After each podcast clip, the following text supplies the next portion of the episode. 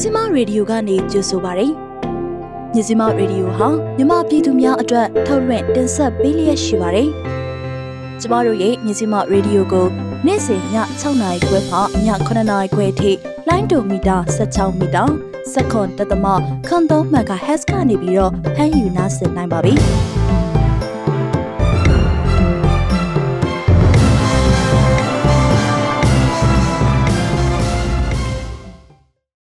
င်္ဂလာပါရှင်မြန်မာနိုင်ငံသူနိုင်ငံသားတွေဘေးကင်းလုံခြုံပြီးစိတ်ချမ်းသာကိုယ်ကျန်းမာစွာဖြတ်သန်းနိုင်ကြပါစေလို့မြစီမရေဒီယိုအဖွဲ့သူအဖွဲ့သားတွေကဆုတောင်းမေတ္တာပို့လိုက်ရပါတယ်။ဇန်နဝါရီလ24ရက်နေ့တနင်္လာနေ့ညမြစီမရေဒီယိုရဲ့သတင်းတွေကိုကျမမှုနဲ့မဝေရမိုးမြင့်တို့ကတင်ဆက်ပေးမှာပါ။ဒီကနေ့ညရဲ့သတင်းတွေထဲမှာကော့ဂရိတ်မှာစစ်တပ်ရဲ့တိုက်ခိုက်မှုကြောင့်အရက်သား12ဦးတင်ရရရှိပြီးတအူးသေဆုံးတဲ့တဲ့ DKPA ဖိုးစောစာလုံးစခန်းကိုစစ်ကောင်စီတပ်မှမိရှုဖျက်ဆီးတဲ့တဲ့မိုင်းမတော်တဆဖြစ်မှုတွေကြောင့် CNE နဲ့ဒေသခံပြည်သူကာကွယ်ရေးတပ်တွေမှတေဆုံးသူ10ဦးကျော်ရှိပြီဖြစ်တဲ့တဲ့ငတိုင်းချောင်းမြို့မှာပယံအလုတ်သမား15ဦးကိုစစ်ကောင်စီတပ်ကဖမ်းဆီးတဲ့တဲ့ နိုင်ငံတကာသတင်းတွေကတော့ဒဏ်ခတ်ပိတ်ဆို့မှုဆန္ဒပြပွဲအပြီးဘူကီနာဖာဆိုမှအထစ်ကယုံတွေဖြစ်ပွားတဲ့တဲ့ပင်လယ်ကွေ့ပတိပခရီဖြေလျှော့နိုင်ရဲ့အတွက်လက်ဘနွန်ကိုကူဝေးဝင်ကြီးချုပ်တွားရောက်တဲ့တဲ့စတဲ့သတင်းတွေကိုနားဆင်ကြရမှာပါပြည်တွင်းသတင်းတွေစီးပွားရေးသတင်းတွေနိုင်ငံတကာသတင်းတွေအပြင်ဆက်သွယ်မေးမြန်းချက်မြစီမ editorial talk အစီအစဉ်နဲ့ BNI အစီအစဉ်တွေကိုလည်းနားဆင်ရဖို့ရှိပါတယ်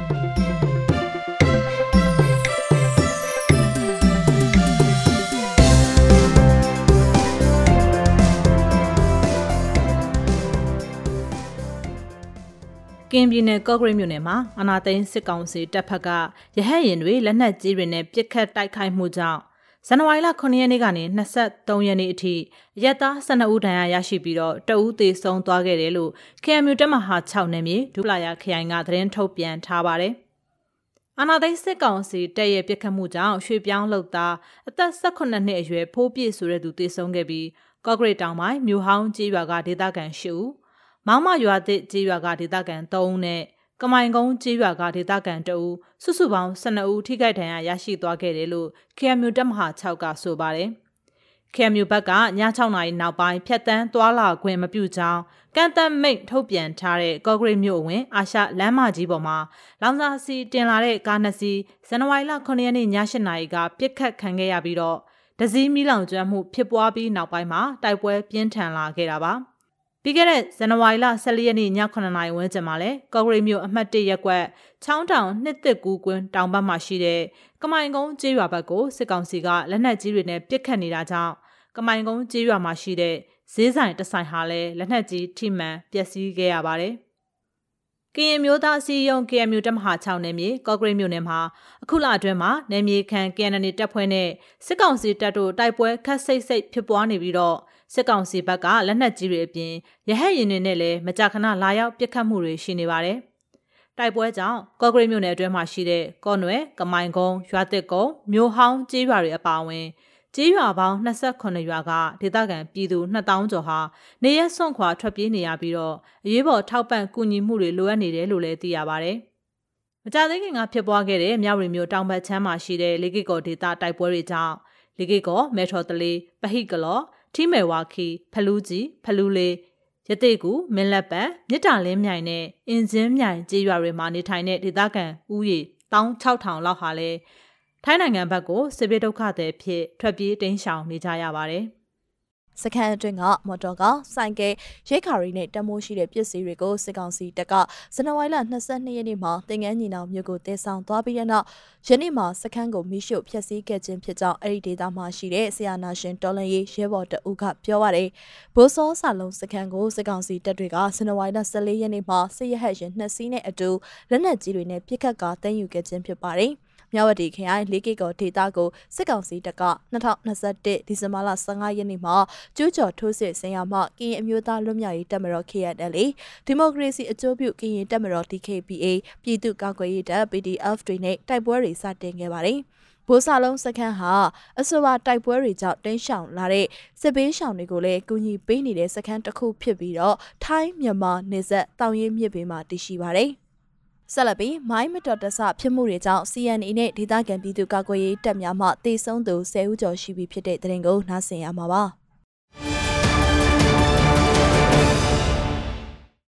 ချင်းပြည်နယ်တိတိမ်မြို့နယ်ဟိန်စင်ရွာအနီးမှာပြီးခဲ့တဲ့ဇန်နဝါရီလ22ရက်နေ့မနက်10:00နာရီခွဲအချိန်လောက်မှာမိုင်းမတော်တဆဖြစ်ခဲ့တာကြောင့် PDF ဇိုလန်းကအသက်22နှစ်အရွယ်ကိုမုံနိုးနဲ့ CNA တက်ကဆလိုင်းကျုံလျန်ဆန်တို့ကြာဆုံးသွားခဲ့ပြီးနောက်မှာ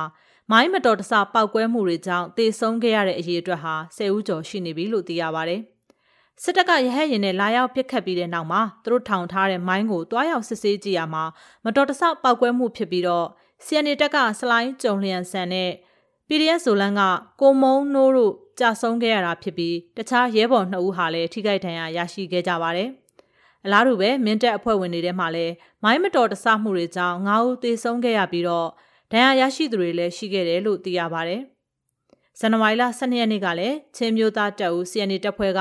မိုင်းစရာတက်ကြက်စလိုင်းဘန်ဆွေလျံမိုင်းမတော်တဆပောက်ကွဲမှုနဲ့ကွယ်လွန်ခဲ့ရပြီးတော့တခြားရဲဘော်တအုပ်ဟာလည်းဒဏ်ရာရရှိခဲ့ပါတယ်။ဇန်နဝါရီလ14ရက်နေ့ကလည်း CDF မတူပီမိုင်းဌာနကရဲဘော်စလိုင်းပါအွန်ဖောက်ခွဲမိုင်းစမ်းတက်ရင်းနဲ့မိုင်းမတော်တဆမှုကြောင့်ထိခိုက်ကြဆုံးခဲ့ရပါတယ်။ ချင်းပြည်နယ်အတွင်းမှာစစ်ကောင်စီတပ်တွေကိုတိုက်ခိုက်ရမှာလက်နက်အင်အားမမျှတာကြောင့် CNA တပ်နဲ့အတူဒေသခံပြည်သူ့ကာကွယ်ရေးတပ်တွေဟာမိုင်းထောင်တာမိုင်းဆွဲတာနဲ့ခြုံခိုတိုက်တဲ့နည်းတွေကိုသာအထူးအသုံးပြုပြီးတိုက်ခိုက်နေကြရတာပါ။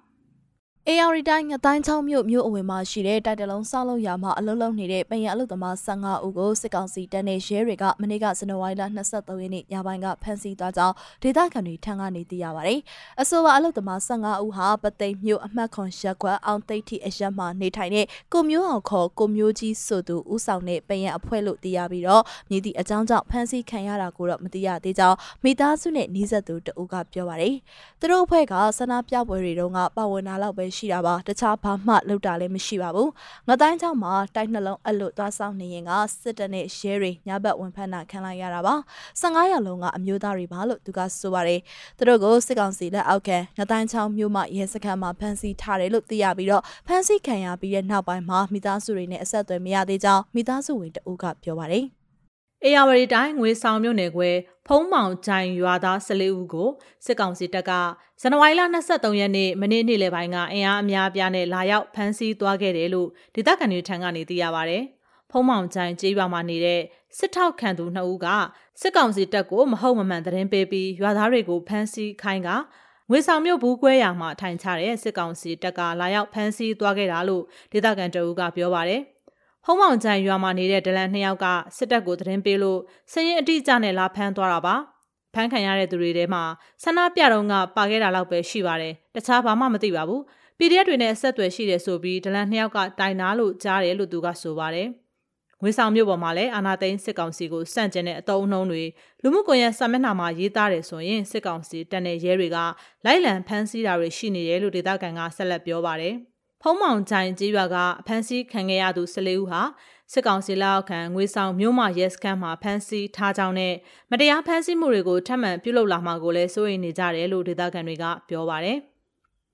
ဆလဘီကချင်ပြည်နယ်မြကြီးနားမြို့မှာအနာသိန်းစစ်ကောင်စီရဲ့စစ်တပ်ထုတ်ကုန်တွေရောင်းချနေတဲ့ဆိုင်တွေကို KIO အုပ်ချုပ်ရေးယုံမှယခုရက်ပိုင်းတွင်ခက်စိတ်စိတ်ဇက်အရေးယူဆောင်ရွက်လျက်ရှိကြောင်းဒေသခံတွေကစုံစမ်းသိရှိရပါတယ်။ အာနာသိန်းစစ်ကောင်စီမှဝင်ငွေအမြောက်အများရရှိနေတဲ့စစ်တပ်ထုတ်ကုန် BR တွေကိုဇန်နဝါရီလ10ရက်နေ့ကိုနောက်ဆုံးထားပြီးတော့မရောက်ချရန် KIO အုပ်ချုပ်ရေးရုံးမှသတိပေးစာထုတ်ပြန်ထားခဲ့ပြီးပဲဖြစ်ပါတယ်။အခုလိုသတိပေးစာထုတ်ပြန်ထားပြီးတဲ့နောက်မှာဆက်လက်ရောင်းချနေတဲ့ဆိုင်တွေကိုလိုက်လံစစ်ဆေးပြီးတော့စစ်ဆေးတွေ့ရှိရတဲ့ဆိုင်တွေမှစစ်တပ်ထုတ်ကုန် BR တွေကိုဖျက်ဆီးခြင်းတံငွေဆောင်ခိုင်းခြင်းတွေလက်တလုံးလှုပ်ဆောင်နေကြောင်း KIO အုပ်ချုပ်ရေးရုံးတာဝန်ရှိသူတို့ကဆိုပါတယ်။ KIO အစိုးရကတော့လှုပ်ရှားရှိတာတဖြည်းဖြည်းအသွင်ယူလှုပ်ဆောင်လာနေပြီဖြစ်တယ်လို့ပြည်သူတွေကလည်းပူးပေါင်းပါဝင်ပေးကြဖို့လိုအပ်ပါတယ်ဆိုပြီးသူကဆိုပါတယ် KIO အုပ်ချုပ်ရေးရုံးမှာစစ်တပ်ထုတ်ကုန်တွေကိုမယောင်းချဖို့တတိပေးစာထုတ်ပြန်ပြီးတဲ့နောက်မှာမြကြီးနားမြို့တွင်မှာရှိတဲ့ဆိုင်အချို့မှာစစ်တပ်ထုတ်ကုန်ဘီယာတွေကိုရောင်းချမှုမရှိတော့ကြောင်းသိရပါတယ်။စစ်တပ်ထုတ်ကုန်တွေကိုတည်ဆောင်လာမှုမရှိစေရေးကားတွေကိုပြည်သူ့ကာကွယ်ရေးတပ်ဖွဲ့တွေကလည်းစစ်ဆေးအရေးယူနေတဲ့အပြင်ကချင်ပြည်နယ်အတွင်းကပြည်ထောင်စုလမ်းမကြီးတွေမှာ KIA တပ်ဖွဲ့ဝင်တွေကစစ်ဆေးအရေးယူနေကြောင်းသိရပါတယ်။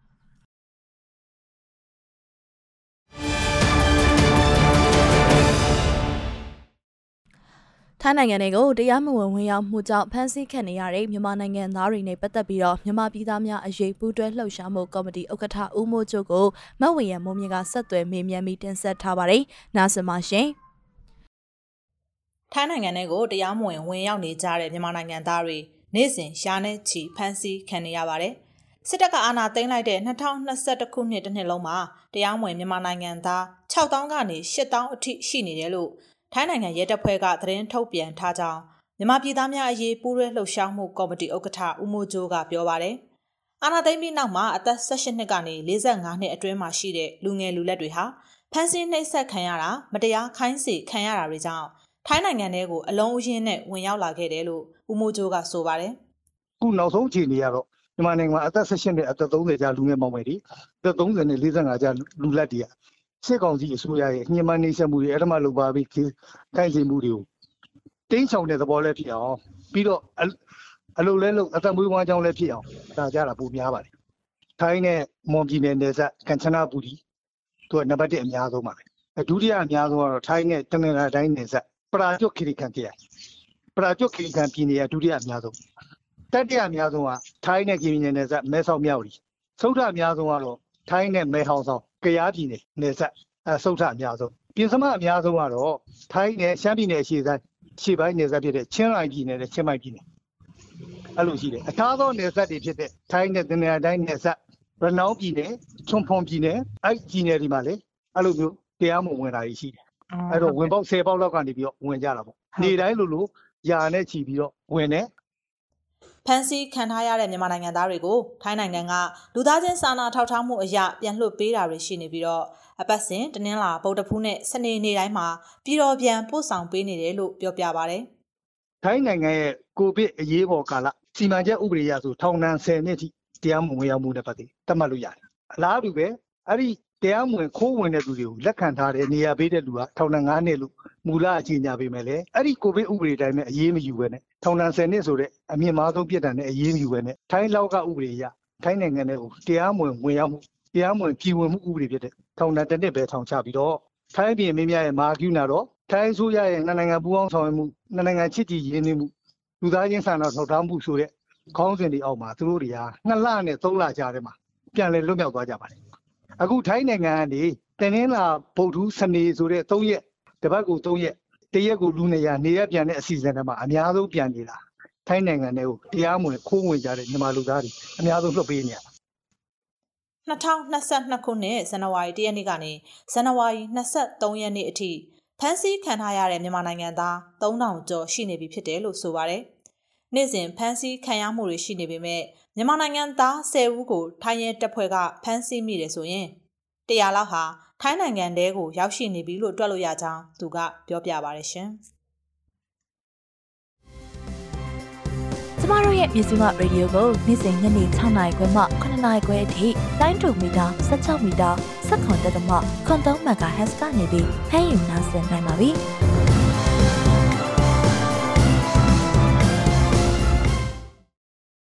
ပြည်တွင်းသတင်းတွေကိုတင်ဆက်လုပ်ပြီးပါပြီရှင်။စီးပွားရေးသတင်းတွေကိုတင်ဆက်ပေးပါတော့မယ်။မတ်ရွှေကြီးကပြောပြပေးမှာပါရှင်။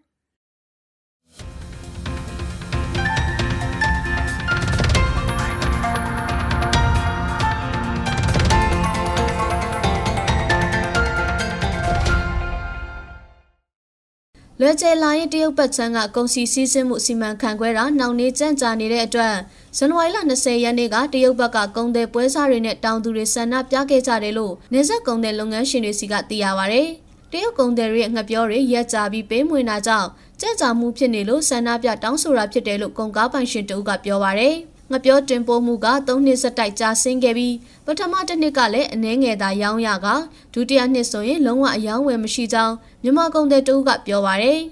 တရုတ်ဘက်မှာရှိတဲ့ငပြောလုပ်ငန်းရှင်တွေဆုံးရှုံးရသလို မြန်မာဘက်ချမ်းမှာလာရောက်ရင်းနှီးမြှုပ်နှံနေတဲ့တရုတ်တ िश ူးငပြောလုပ်ငန်းရှင်အများစုကလည်း passport တက်တန်းကုန်ဆုံးသွားကအခက်အခဲများရှိနေပြီးငပြောချံကိုစွန့်ပစ်ကထွက်ပြေးကုန်ကြတယ်လို့ဆိုပါတယ်။အရင်ကခိုးဝင်လာတဲ့တရုတ်တွေဟာအခုချိန်မှာပြန်လို့လည်းမရသလိုငပြောချန်ထဲမှာပဲနေရပြီးအပြင်ထွက်မရတဲ့သူတွေလည်းရှိနေပါတယ်။တရုတ်တ िश ငပြောလုပ်ငန်းရှင်တွေကမြန်မာနိုင်ငံကတောင်သူတွေစီမြေငှားရမ်းပြီးစိုက်ပျိုးနေတာဖြစ်ကအ ခုလိုဆုံးရှုံးမှုတွေကြောင့်ထွက်ပြေးသွားတဲ့လုပ်ငန်းရှင်တွေကြောင့်ဒေသခံမြေရှင်မြန်မာနိုင်ငံသားတွေပါဆုံးရှုံးနေတာနေကြရပါတယ်။မြန်မာနိုင်ငံသားတွေကိုသာအမိခံငှားထားတာကြောင့်ဥပဒေအရဖြည့်ရှင်းလာရင်တရုတ်လုပ်ငန်းရှင်တွေအနေနဲ့ထိခိုက်မှုမရှိပဲဒေသခံတွေသာထိခိုက်နစ်နာမှုရှိလာတယ်လို့တ िश ူငပြောစိုက်ပျိုးမှုနဲ့ပတ်သက်ပြီးအကျိုးသက်ရောက်မှုပေါ်သူတေသနာပြုလုပ်သူအမျိုးသမီးတို့ကပြောပါရယ်တ ဒါအပြင်နယ်ဆက်ကုန်သွယ်ရေးကိုမှီခိုပြီးတ िश ူငပြောတင်ပို့နေတဲ့ကုန်တင်ကားတချို့လည်းတလားခန့်ကြာကားစီတန်းဆောင်ဆိုင်နေကြရတယ်လို့ရင်မောင်းတအုပ်ကပြောပါတယ်။စမ်းသက်ကာလဖြစ်တာကြောင့်တရက်ကိုငပြောကား၅စီးဝန်းကျင်သာဝင်ခွင့်ရပြီးကုန်စည်စီးဆင်းမှုနှောင့်နှေးကြန့်ကြာနေကလက်ရှိကုန်တင်ပြီးသားကားစီးရေ200လောက်စီတန်းဆောင်ဆိုင်နေရတယ်လို့ရင်ပိုင်ရှင်တအုပ်ကပြောပါတယ်။ လွယ်ကျယ်လာရင်ကုန်သွယ်ရေးလမ်းကြောင်းကနေဂိမ်းမပိတ်မီအချိန်ထိတရုတ်နိုင်ငံကိုဗမော်ခရိုင်မှထွက်ရှိတဲ့ငပြောဖရဲကြံစံပြောင်းစတာတွေပါဝင်ဒေတာထွက်ကုန်တွေကိုတင်ပို့တာဖြစ်ပြီးတရုတ်ဘက်ကလည်းဂျူတီခွင့်ပြုကုန်အားလုံးတင်သွင်းတယ်လို့ဆိုပါတယ်။ကချင်ပြည်နယ်ဗမော်ခရိုင်လွယ်ကျဲမြို့နဲ့တရုတ်နိုင်ငံယူနန်ပြည်နယ်လုံချန်ခရိုင်လာရင်မြို့တို့ထိစပ်နေတဲ့နှစ်နိုင်ငံကုန်သွယ်ရာလွယ်ကျဲလာရင်ဂိတ်ကိုပြီးခဲ့တဲ့2021ဇူလိုင်လကစပြီးကိုဗစ်အကြောင်းပြချက်နဲ့ယာယီပိတ်ခဲ့တာဖြစ်ပြီး တရုတ်ဆိုရဘက်က2021ခုနှစ်နိုဝင်ဘာလမှာ2ကြိမ်ဒီဇင်ဘာလမှာတစ်ကြိမ်စုစုပေါင်း3ကြိမ်တိုင်တိုင်ဖွင့်လှစ်ဖို့စီစဉ်ခဲ့ပေမဲ့2022ခုနှစ်ဇန်နဝါရီလ18ရက်နေ့ကမှပြန်လည်စမ်းသပ်ဖွင့်လှစ်နိုင်ခဲ့တာပါရန်ကုန်တိုင်းတွင်းရှိရွှေပြည်သာစက်မှုဇုံနဲ့ဝါတရာစက်မှုဇုံအပါအဝင်မြို့နယ်အချို့မှာအချိန်ပိုင်းလျှက်စစ်တအားယာယီပြတ်တောက်မှုဖြစ်ပေါ်မယ်လို့ရန်ကုန်လျှက်စစ်တအားပေးကော်ပိုရေးရှင်းကဇန်နဝါရီလ22ရက်နေ့မှာထုတ်ပြန်ကြေညာလိုက်ပါတယ်။ ရင်းကဲ့သို့အချိန်ပိုင်းယာယီလျှက်စစ်တအားပြတ်တောက်မှုဖြစ်ပေါ်ရတာဟာရန်ကုန်တိုင်းဒေသကြီးအတွင်း230 kV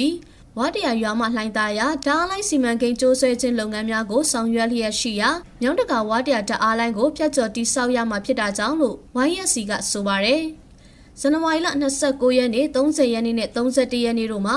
မနက်6နာရီမှညနေ6နာရီထိယာယီတအားပိတ်ပြီးလုပ်ငန်းများဆောင်ရွက်သွားမှာဖြစ်တယ်လို့လည်းသိရပါဗျ။ ထို့သောလုပ်ငန်းဆောင်ရွက်နေစဉ်အတွင်းရန်ကုန်တိုင်းဒေသကြီးအတွင်းရှိရွှေပြည်သာစက်မှုဇုံ234ဝါတရာစက်မှုဇုံရွှေပြည်သာမြို့နယ်တမြို့နယ်လုံးနဲ့မော်ဘီမြို့နယ်ရှိနေရာအချို့တို့မှာယာယီဓာတ်ပြတ်တောက်မှုများရှိမိဖြစ်ကြောင်း YSC ကထုတ်ပြန်ထားတာဖြစ်ပါတယ်။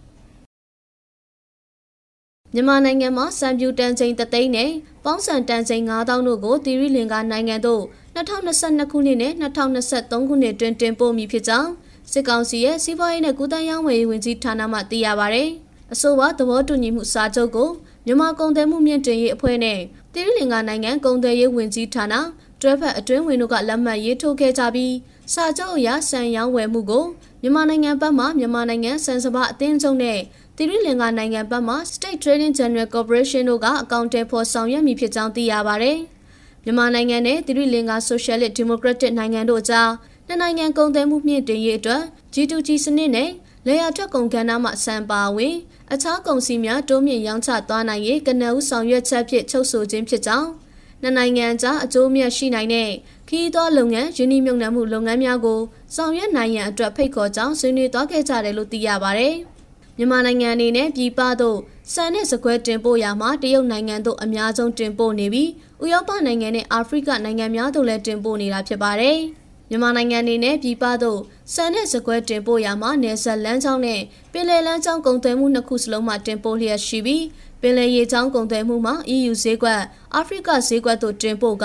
မူဆယ်နယ်စပ်မှတဆင့်တရုတ်နိုင်ငံသို့အဓိကတင်ပို့နေခြင်းဖြစ်ပါတယ်။ပြီးခဲ့တဲ့2019-2020ဘဏ္ဍာနှစ်မှာပြည်ပသို့စံတင်ပို့မှုရော့ကျခဲ့ပေမဲ့လည်းစကွဲတင်ပို့မှုမြင့်တက်ခဲ့တာကြောင့်ရခိုင်နှစ်ကာလတူထက်ဝင်ငွေဒေါ်လာ84တန်းကျော်ပိုမိုရရှိခဲ့ခြင်းဖြစ်ပါတယ်။ မြန်မာနိုင်ငံအနေနဲ့ပြည်ပသို့စံတဲ့စကွဲတင်ပို့မှုကိုပြင်းပြအားဖြင့်နှစ်စဉ်30ရာခိုင်နှုန်းခန့်တိုးတက်လာအောင်ဆောင်ရွက်လျက်ရှိကြောင်းဒါအပြင်တန်ချိန်မြင့်တက်မှုအပြင်ဝင်ငွေပုံမမြင့်တက်လာစေရန်အရေးသွေးကောင်းမွန်တဲ့တမ်းမြင့်ဆန်အမျိုးအစားများပုံမတင်ပို့နိုင်အောင်ဆောင်ရွက်လျက်ရှိကြောင်းမြန်မာနိုင်ငံစံစဘာအသင်းချုပ်မှသိရပါဗျ။2020-2021ခုနှစ်ဘဏ္ဍာနှစ်အောက်တိုဘာလမှ စက်တင်ဘာလကုန်အထိမြန်မာနိုင်ငံမှပြည်ပသို့စံတဲ့စကွဲတင်ပို့မှုမှာဒေါ်လာ900.13တန်းရရှိခဲ့ကြောင်းသိရပါဗျ။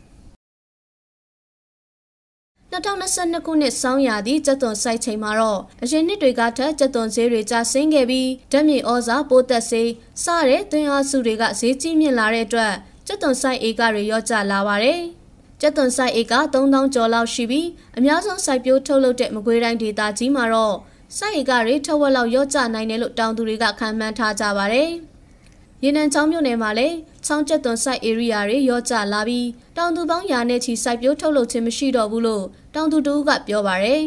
မကွေးတိုင်းဒေသကြီးရေနံချောင်းမြို့နယ်မှာပြည်ပဈေးကွက်ရှိတဲ့ရွှေနီကျက်သွန်ဤအများဆုံးထွက်ရှိရာဒေသဖြစ်ပြီးစပားကိုဝမ်းစာလောက်ပဲစိုက်ပျိုးကကြက်သွန်ကိုစီးပွားဖြစ်အဓိကစိုက်ပျိုးထုတ်လုပ်ကြတာဖြစ်ပါတယ်။ကြက်သွန်ဈေးကွက်မတီမငြိမ်ဖြစ်ခဲ့တာတွေက 2010ပြည့်နှစ်လောက်မှစတင်ဖြစ်ပေါ်ခဲ့တာဖြစ်ပြီး2013-2014ခုနှစ်ကစပြီးကြက်သွန်တပိတ်သားကျပ်90လောက်သာရခဲ့တဲ့အချိန်မှာကြက်သွန်ဈေးကွက်ဆိုးဆိုးဝါးဝါးကျဆင်းခဲ့ပြီးကြက်သွန်စိုက်တောင်သူတွေအထိနာခဲ့ရပါတယ်။ကြက်သွန်စိုက်ပျိုးထုတ်လုပ်တဲ့လုပ်ငန်းကအကျိုးမြတ်တွေနည်းလာပြီးဆုံးရှုံးမှုတွေရှိလာပေမဲ့မီယိုဖလာလုပ်ငန်းဖြစ်တာရဲ့စိုက်ပျိုးမြေကိုအကောင်းဆုံးအသုံးချနိုင်မဲ့အခြားနည်းလမ်းမရှိတာရဲ့ကြောင့်ဆက်လက်စိုက်ပျိုးနေကြတာဖြစ်တယ်လို့ စောင်းရသည်မှာကြက်သွန်ဆက်လက်စိုက်ပျိုးနေဆဲဖြစ်တဲ့တောင်သူတို့ကပြောပါရယ်။မကွေးတိုင်းဒေသကြီးအတွင်းမှာကြက်သွန်စိုက်ဧက36,142ဧကရှိပြီးအဲဒီကနေကြက်သွန်ဒီတန်ချိန်2,200ကျော်ထွက်ရှိပြီးတပြည်လုံးအတိုင်းအတာအရတန်ချိန်တသန်းနီးပါးထွက်ရှိကြောင်းစီးပွားရေးနဲ့ကုသရေးဝယ်ဝင်ကြီးဌာနရဲ့စီးရင်စရာအရသိရပါဗျ။စုစုပေါင်းကြက်သွန်ဒီထုတ်လုပ်မှုရဲ့80ရာခိုင်နှုန်းကျော်ကိုပြည်တွင်းမှာစားသုံးလျက်ရှိပြီး ကျန်းတဲ့20ရာခိုင်နှုန်းဖြစ်တဲ့တန်ချိန်3သိန်းခွဲနဲ့2သိန်းကြားကိုတော့ပြည်ပသို့တင်ပို့လျက်ရှိနေတာပါ2021ခုနှစ်မှာကျက်တော်နီတန်ချိန်2သိန်းကျော်ပြည်ပသို့တင်ပို့နိုင်ခဲ့တယ်လို့သိရပါဗျ။ယခုနှစ်မှာ COVID-19 ကူးစက်ရောဂါပိုးပြန်ပွားမှုကြောင့်နေဆက်ကုန်သွယ်ရေးလမ်းကြောင်းများမပွင့်လင်းတဲ့အတွက်မြေစီမြေဩဇာနဲ့ပိုးသက်စေးစတဲ့စိုက်ပျိုးရေးသွင်းအားစုစိတ်များလည်းမြင့်တက်ခဲ့ပါတယ်။ယခုအခါ73စီဈေးနှုန်းများနဲ့တည်ယူပို့ဆောင်ရေးဈေးများပါမြင့်တက်နေခြင်းကြောင့် မိုးကျသွန်ဈေးနှုန်းအတက်အကျပေါ်များစွာရိုက်ခတ်မှုရှိလာခဲ့တယ်လို့လည်းသိရပါဗျ။အဓိကဈေးကျသွားတဲ့အကြောင်းရင်းမှာကားကများဈေးတက်တာကြောင့်ပွဲရုံတွေကတောင်သူတွေကိုပေးရတဲ့ကြက်သွန်နီဈေးကိုအရင်ကထက်ဈေးနှိမ်ကဝယ်ယူနေတာဖြစ်ကြောင်းမန္တလေးတိုင်းဒေသကြီးမင်းချံမြို့နယ်မှာကြက်သွန်နီစိုက်ပျိုးသူတောင်သူတို့ကပြောပါရယ်။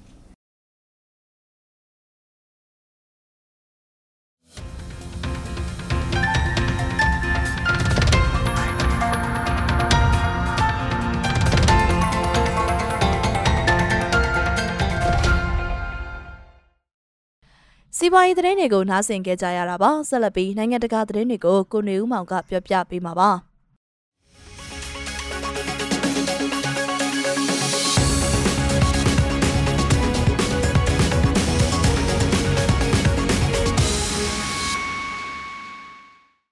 အာဖရိကနိုင်ငံများ၏စီးပွားရေးအတိုင်းအဝန် ECOWAS ရဲ့ဒဏ်ခတ်ပိတ်ဆို့မှုကိုခံနေရတဲ့မာလီကိုထောက်ခံဆန္ဒပြပွဲများအပြီးဝါဂါဒူဂူမှာအထည်ကယုံများဖြစ်ပွားခဲ့ပါတယ်။ လုံခြုံရေးကင်းမဲ့နေတဲ့အနောက်အာဖရိကနိုင်ငံမှာဒီသတင်းပတ်အကုန်ပိုင်းပြုလုပ်ဖို့စီစဉ်ထားတဲ့နောက်ထပ်ဆန္ဒပြပွဲတစ်ခုနဲ့အတူယခုပြုလုပ်ခဲ့တဲ့ဆန္ဒပြပွဲတွေကိုအာဏာပိုင်တွေကပိတ်ပင်တားမြစ်ထားပါတယ်။2021ခုနှစ်နိုဝင်ဘာလအတွင်းကသွေးထွက်တန်ရုပ်ဖြစ်ပွားခဲ့တဲ့ဘာကီနာဖာဆိုမှာလုံခြုံရေးကြောင့်ဆန္ဒပြပွဲတွေကိုခွင့်မပြုကြောင်းမြူနီစပယ်အတွင်းရေးမှူးခရစ်စတီယန်ချာလီရူအန်ဘာကစာတစောင်ထုတ်ပြန်ခဲ့ပေမဲ့ Safe Bakina လို့နာမည်ပေးထားတဲ့အရက်ဖက်အဖွဲ့အစည်းတစ်ခုကဥဆောင်ပြီး January လ22ရက်စနေနေ့ကဆန္ဒပြခဲ့ကြပါတယ်။ပြင်သစ်ကိုလိုနီဟောင်းနိုင်ငံမှာလွှမ်းမိုးထားခဲ့တဲ့ဂျီဟက်အကြမ်းဖက်မှုတွေကိုခြေမုံဖို့ကြိုးစားခဲ့ပေမဲ့မအောင်မြင်ခဲ့တဲ့သမ္မတ Roch မှာခရစ်စတီယန်ကဘိုးကိုစန့်ကျင်တဲ့အဖွဲ့တစ်ဖွဲ့ကလည်းနိုဝင်ဘာလ29ရက်နေ့ကဆန္ဒပြခဲ့ပါသေးတယ်။အဆိုပါဆန္ဒပြပွဲအတွင်းရာနဲ့ချီတဲ့ဆန္ဒပြသူတွေကိုလုံခြုံရေးတပ်ဖွဲ့တွေကပိတ်ပင်တားမြစ်ခဲ့ရာကရုံရဲဆန်ခတ်မှုဖြစ်ပွားခဲ့ပြီးတရာစင်လောက်ဒဏ်ရာရရှိခဲ့ပါတယ်။ဒီမိုလို့ခေါ်တဲ့အာဖရိကမျိုးချေဘာဂီနာဖာဆိုညွန်ပေါင်းအဖွဲ့မှ ခေါင်းဆောင်တို့ကိုကြာတာပရိနေမှာအာနာပိုင်တွေကထိမ့်သိမ်းထားကြောင်းအဆိုပါအဖွဲ့မှပြောကြားခဲ့ပါတယ်။အဲခေးဒါနဲ့ဆက်နွယ်နေတဲ့အဖွဲ့တွေနဲ့ IS အုပ်စုတွေရဲ့အကြမ်းဖက်မှုကြောင့်နိုင်ငံအတွင်းမှာ2015ခုနှစ်ကစပြီးလူပေါင်း2000နီးပါးသေဆုံးခဲ့ကြောင်း AFP ရဲ့စီးရင်စရာများအရသိရှိရပါတယ်။အမျိုးသားအရေးပေါ်အေဂျင်စီကိုနာစာမှထုတ်ပြန်တဲ့နောက်ဆုံးကိန်းဂဏန်းများအရပြည်တွင်းမှာအိုးအိမ်စွန့်ခွာထွက်ပြေးကြရသူပေါင်း1.5တန်းရှိတယ်လို့ဆိုပါတယ်။ပ င်လယ်ကွေ့အာရက်နိုင်ငံတွေက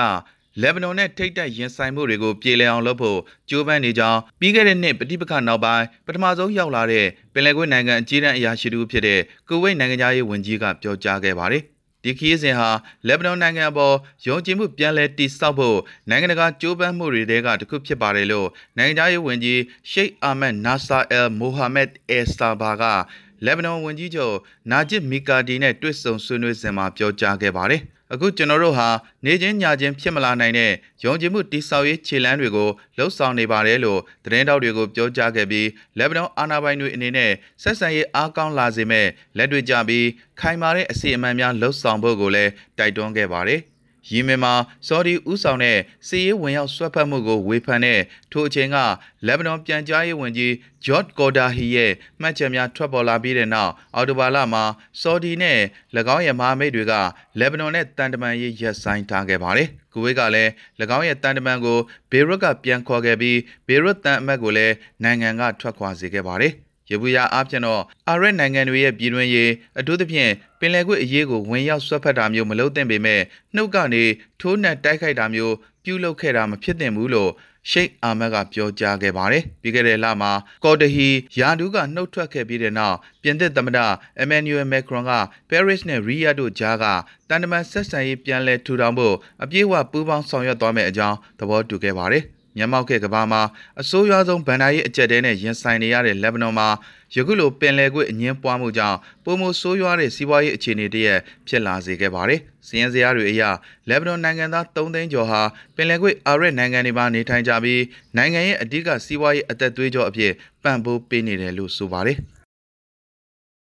January လ23ရက်တနင်္ဂနွေနေ့ကဆွေဒင်နိုင်ငံရဲ့အကြီးဆုံးမြို့ကြီးနှစ်ခုမှာကိုဗစ်ကာကွယ်ဆေးဖြတ်တန်းခွင့်အပေါ်ထောင်နဲ့ချီတဲ့လူတွေငြိမ်းချမ်းစွာကန့်ကွက်ဆန္ဒပြခဲ့ကြပြီးရုံးရဲဆန်ကက်ဖြစ်နိုင်ခြေအတွက်ရဲတပ်ဖွဲ့ကသတိပေးခဲ့ပါတယ်။စတော်ဟုံးဆန္ဒပြပွဲအတွင်းနာဇီလက်တစ်အဖွဲ့များနဲ့အတိုက်ခံတွေထိတ်တိုက်ပြဿနာတွေဖြစ်မှာကိုလုံခြုံရေးတပ်ဖွဲ့စာပိုကစိုးရိမ်ကြောင်းပြောကြားခဲ့ပါတယ်။ Freedom Movement ဆိုတဲ့အဖွဲ့တစ်ဖွဲ့ကစီစဉ်တဲ့ဆန္ဒပြပွဲမှာလူပေါင်း9000လောက်ကစာကယ်တော့ရင်းမြစ်စီကိုချစ်တက်ခဲ့ကြပြီးကာကွယ်ဆေးဖြတ်တန်းခွင့်ကလူအများပြားပေါ်ခွဲခြားဆက်ဆံမှုတွေဖြစ်တယ်လို့ချီတက်ဆန္ဒပြပွဲမှာပါဝင်တဲ့အသက်30အရွယ်ဂျူလီယာဂျိုဟန်ဆန်က AFP ကိုပြောပြခဲ့ပါတယ်။ Vaccinpassen är enligt mig väldigt uppenbara. Det delar upp människor i grupper och tvingar människor att göra medicinsk ကျမတို့ပိုင်တဲ့ကျမတို့ခန္ဓာကိုယ်ကိုကျမတို့စိတ်ကြိုက်စီမံခန့်ခွဲခွင့်ရှိတယ်လို့သူမကဆိုပါတယ်လူတွေကိုသူတို့မလုပ်ချင်တဲ့စေးဘက်ဆိုင်ရာအကာအကွယ်ရယူဖို့အတင်းအကျပ်စေခိုင်းနေတာဖြစ်တယ်လို့အသက်35နှစ်အရွယ်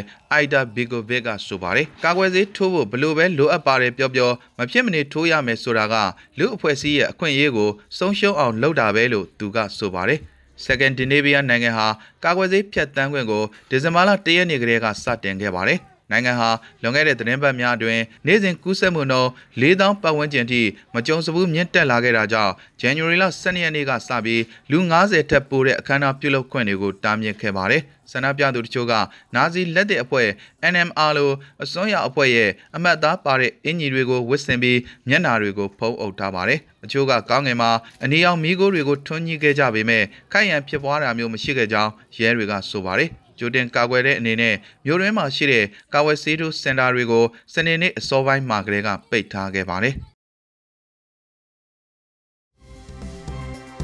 ကျမတို့ရဲ့ပြည်စည်းမရေဒီယိုကိုနေ့စဉ်ညနေ6နာရီခွဲမှ9နာရီခွဲအထိတိုင်းတူမီတာ16မီတာ7.3တက်မှခွန်3 MHz ကနေပြီးဖမ်းယူနိုင်နိုင်ပါပြီ။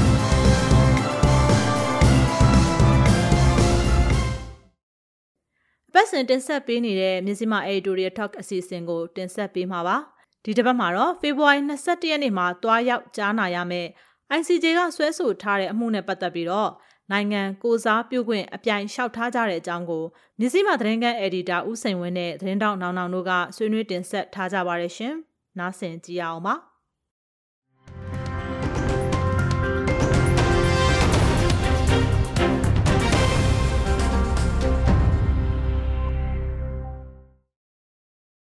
2019ခုနှစ်မှာရိုဟင်ဂျာတွေအပေါ်လူမျိုးတုံးတပ်ဖြတ်မှုကျူးလွန်တဲ့ဆိုတဲ့ဆက်ဆွဲချက်နဲ့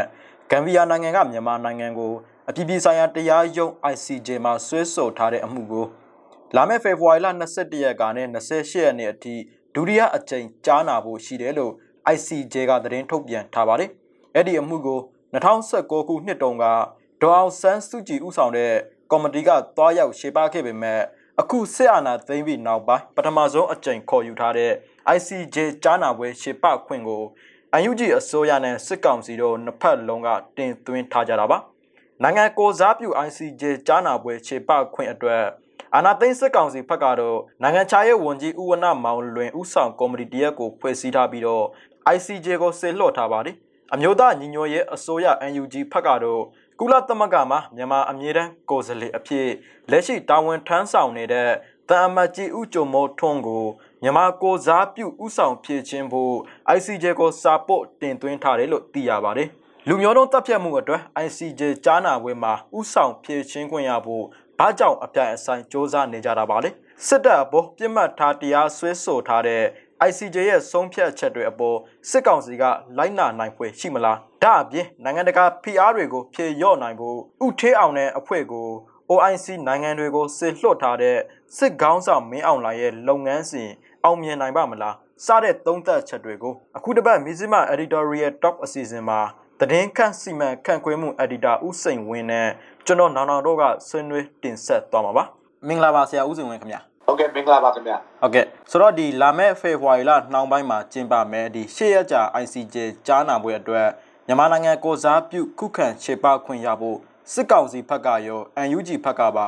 ICJ ကိုတင်သွင်းထားတာတွေ့ရပါတယ် လူမျိုးတုံးတပ်ဖြတ်မှုအတွက် ICJ ကြားနာပွဲမှာဥဆောင်ဖြည့်ချင်းခွင့်ရဖို့ဘာကြောင့်အပြိုင်အဆိုင်စ조사နေကြတာပါလဲတကယ်လို့ ICJ ကစစ်ကောင်စီကိုကိုစားပြုခွင့်ပေးလိုက်ရင်ဘာဖြစ်လာနိုင်မလဲ UNG ကိုကိုစားပြုခွင့်ပေးလိုက်ရင်ရောဘလို့အကျိုးဆက်တွေရှိလာနိုင်မလဲအဲ့ဒီအပေါ်ဆရာဘလို့အမြင်ရှိပါသလဲခင်ဗျာအဲဒီနိုင်ငံတကာတရားရုံး ICJ မှာနော်ဟိုတရားစွဲဆိုခံရတဲ့ကိစ္စပေါ့အဲ့ဒီဟာနဲ့ပတ်သက်ပြီးတော့အဲအမျိုးသား ညီညွတ်ဆိုရအန်ယူဂျီရောအနာဘိန်းစစ်ကောင်စီဘက်ကရောဟိုဟာဖြည့်ရှင်းမယ်ဆိုတဲ့ဟာအဲ့ဒါကအပြိုင်ဆိုင်ရဲ့အပြိုင်ဆိုင်ဖြည့်ရှင်းတာရဲ့လို့တော့မဟုတ်ဘူးဒီဒီကျွန်တော်တို့ဟိုဟိုမြန်မာနိုင်ငံအနေထားကိုလက်ရှိအနေထားကိုကြည့်လိုက်လို့ရှိရင်သူက de facto နဲ့ de jure ဒီအစိုးရဆိုပြီးတော့ဖြစ်တာ哦နော်အန်ယူဂျီအနေနဲ့ကတော့ဒါအာ ဒီ de facto government အဲလာဖြစ်တယ်အဲနောက်ပြီးတော့ဟိုဒီကောက်မြောက်ထားတဲ့လူတွေရနေပြီးတော့ဖွဲ့စည်းထားတဲ့အစိုးရဖြစ်တဲ့အခါကျတော့တိုင်းပြည်ရဲ့တာဝန်ကိုယူရတာပဲနောက်ပြီးတော့ဒေါန်ဆန်းစုကြည်အရင်တရားစီတရားရင်ဆိုင်တဲ့ဟိုကအာအကယ်၍များအဲသူသူမလာနိုင်လို့ရှိရင်အဲဦးကျော်မိုးထွန်းကို ဟိုကိုစားပြုတဲ့ဒီဆက်လက်ပြီးတော့ပေါ့နော်အာရင်ဆိုင်ဖို့အတွက်ကိုဟိုဟိုလွတ်အပ်ထားမှုတွေရှိခဲ့တယ်လို့လည်းသိရတယ်အဲ့တော့ဟောဒါကအာဟိုလုံးဝမဲ့ကိုတာဝန်ပေါ့တာဝန်ကိုဆက်ပြီးတော့ထမ်းဆောင်ရတာပဲနောက် ICJ တွေကနေပြီးတော့တရားစွဲဆိုထားတယ်ဆိုတာ state ကိုဟိုဟိုပြောရင်နိုင်ငံကိုဟိုဆွဲဆိုထားတာဖြစ်တဲ့အတွက်ဒီနိုင်ငံကိုစားသွားရတာအဲ စစ်ကောင်စီဘက်ကကြတော့ဟောသူကအာဒီမှာပတ်သက်နေတဲ့အဓိကပတ်သက်နေတဲ့စက်ကောင်ဒီသဖြင့်ဒီတက်ကအဲထိပ်ပိုင်းကောင်းတယ်နော်ဟိုကမင်းအောင်လိုင်းပါဝင်အဲတက်ကအရာရှိတွေထိပ်ပိုင်းကောင်းတယ်ဒီသူတို့တွေကအာဒီလူမျိုးတုံးတပ်ဖြတ်မှုတွေအဲဒီ war crime ပေါ့စိတ်ရာဆွေးမှုတွေကျူးလွန်တဲ့ဟာတွေမှာပတ်သက်နေတဲ့ဟာသူတို့ကပြောရင်တော့မဖြေရှင်းခြင်း မဖြေရှင်းခြင်းလဲဒါကဖြေရှင်းမှရမယ်ဖြေရှင်းမှရမယ်အဖြစ်တယ်မဖြေရှင်းရင်အဲအလိုလိုပဲရှုံးပြီးသားဖြစ်တယ်အဲ့တော့သူတို့ကဒီအမှုမှာရှောင်လွဲလို့မရဘူးပါလာတာလို့ကျွန်တော်ကတော့မြင်တယ်အဲ့တော့ဒီတရားရင်ဆိုင်တာကအပြိုင်ဆိုင်ရင်ဆိုင်လို့တချို့ကလည်းအာဘာဖြစ်လို့ဟိုကောင်းသွားခံမလဲပေါ့အဲ့ဒါလိုမျိုးတွေမေးတာရှိတယ်အဲ့ဒါလိုဟိုမဟုတ်ဘူး ဟိုနိုင်ငံနဲ့ပတ်သက်လာတဲ့ဒါကြရင်ရင်ဆိုင်ဒီမှာအာဒေါ်ဆန်းစုကြည်အရင်တော့ရင်ဆိုင်တဲ့နေရာမှာအာသူပြောတဲ့သူပြောတဲ့ဟာတွေကိုပြန်ပြီးတော့ကောက်ရလို့ရှိရင်မြန်မာစစ်တပ်အနေနဲ့အင်အားအလွန်ကျွံသုံးခဲ့တယ်ဆိုတဲ့ဟာဟိုနော်ဟိုမငြင်းဘူးဒီအနေနဲ့မငြင်းဘူးဒါပေမဲ့လူမျိုးစုံလူမျိုးစုတစ်ခုလုံးပြောက်တော့ genocide လုပ်ခဲ့တယ်ဆိုတော့အဲ့တော့တက်တိထောက်ထားမရှိဘူးဆိုပြီးတော့ပြောပြောသွားတယ်ကျွန်တော် ကျွန်တော်ယူဆကတော့အခုဒီ NUG ဆိုရအနေနဲ့ ICJ နဲ့ပူးပေါင်းဆောင်ရွက်ပါမယ်လို့ဟိုဟို2000နဲ့အဲ20တခုနှစ်တွင်မှာပြောထားခဲ့တာရှိတယ်အာနာသိကြီးခံရတဲ့နောက်ပိုင်းမှာပြောထားခဲ့တာရှိတယ်အဲ့ဒီတော့ဟောပူပေါင်းဆောင်ရွက်ပါမယ်ဆိုတဲ့ဟာကဒါဒီဟာတွေမဟုတ်ဘူးလို့ဟိုညင်းမှာတော့မဟုတ်ဘူးဟိုဘယ်သူတွေက တာဝန်ရှိတယ်နော်ဘလို့အဖြစ်အပျက်ကဘလို့ဖြစ်သွားတယ်ဆိုတဲ့ဟာကိုဟိုထုတ်တရားရုံးမှာထုတ်ပေါ်ပြောကြားလိမ့်မယ်လို့ဟိုမြင်ပါတယ်အဲ့တော့ဟောဒါကတရားကျင့်ဆိုင်တဲ့အလုပ်ဖြစ်တယ်လို့ကျွန်တော်ကတော့မြင်ပါတယ်ဆိုတော့နောက်တစ်ချက်ကဟိုဒီလူမျိုးတုံးတပ်ဖြတ်မှုဆက်ဆွဲချက်နဲ့ပဲဒီ OIC အဖွဲ့ဝင်နိုင်ငံတစ်ခုဖြစ်တဲ့ပေါ့လေဒီကမ်ဘီယာနိုင်ငံကတရားစွဲဆိုထားတဲ့ဒီ ICJ ကြားနာပွဲနှိကဲချိန်မှာပဲ ဒီရန်ကုန်မြို့က Oak Ridge Hotel ပိုင်ရှင်ဦးထေးအောင်တဲ့အဖွဲ့ကိုဒီ OIC နိုင်ငံတစ်ခုဖြစ်တဲ့ Saudi Arabia နိုင်ငံကိုတွားရောက်ဖို့စစ်ကောင်းဆောင်မင်းအောင်လှိုင်ကစစ်လွှတ်ထားတာပေါ့နော်ဆိုတော့ OIC နိုင်ငံတွေကိုကိုယ်စားလှယ်အဖွဲ့စစ်လွှတ်တာကဒီ PR တွေရောကြရဲ့အပြင်တခြားဘလို့ရတဲ့မျိုးကိုစစ်ကောင်းဆောင်မင်းအောင်လှိုင်ကညှော်မှန်းထားမှုရတယ်ခင်ဗျပြီးတော့သူညှော်မှန်းထားတဲ့အတိုင်းရောဒီခရီးစဉ်ကအောင်မြင်နိုင်မလားဆရာသုံးသပ်ချက်လေးပေးပါအောင်ခင်ဗျ အာဒါပြောရလို့ရှိရင်မင်းအောင်လှိုင်အတွက်ကောက်ရုပ်တက်ပြင်ပေါ့ဒီဒီအနာသိမ့်တာဖြစ်တဲ့အကြောင်းရင်းကြီးကြီးတွေမှာတကြောင်းနဲ့တော့မဟုတ်ဘူးအကြောင်းကြီးကြီးတွေမှာအာရိုဟင်ဂျာအာအရေးခင်ရိုဟင်ဂျာကိစ္စပါတယ်အဲဒီလူမျိုးတုံးတပ်ပြမှုဒီရောက်လောက်တဲ့အဲကိစ္စစစ်ဟိုစစ်တပ်ကကျူးလွန်ခဲ့တဲ့ကိစ္စပေါ့နော်အဲ့ဒါအဲ့ဒါပါတယ် အဲ့တော့ဒီကိစ္စဟာမင်းအွန်လိုင်းအတွက်အင်မတန်မှ6လန့်နေတယ်ဘယ်လောက်တောင်သူကပြောလဲဆို PDF တွေတွေဘာတွေသူဟိုမကြောက်ဘူးပေါ့အော်ဒါပေမဲ့အဲဒီနိုင်ငံတကာတရားရုံးကနေပြီးတော့ဟောစီရင်မဲ့ဟာကိုဟိုစိုးရိမ်နေဆိုတဲ့ဟာဒါကဟိုသူ့အတွက်အနေကပို့ပြီးနီးတယ်ဆိုတဲ့ဟာရဖြစ်တယ်ဒီအကြောင်းသူမကြားခြင်းဘူးဒီအကြောင်းနဲ့ပတ်သက်ရင် သူရှိမှပြောတာကိုတော့မကြိုက်ဘူးနော်အဲ့ဒါမျိုးအနေထားဖြစ်တယ်အဲ့တော့ဟောသူကဒီချိန်မှာအာကောက်ရုပ်ကပြင်မှာရရဆွဲကင်တာပဲဦးထေးအောင်တုံးချတယ်ဆိုတာကတော့ဦးထေးအောင်ကမွတ်စလင်ဖြစ်တယ်အခု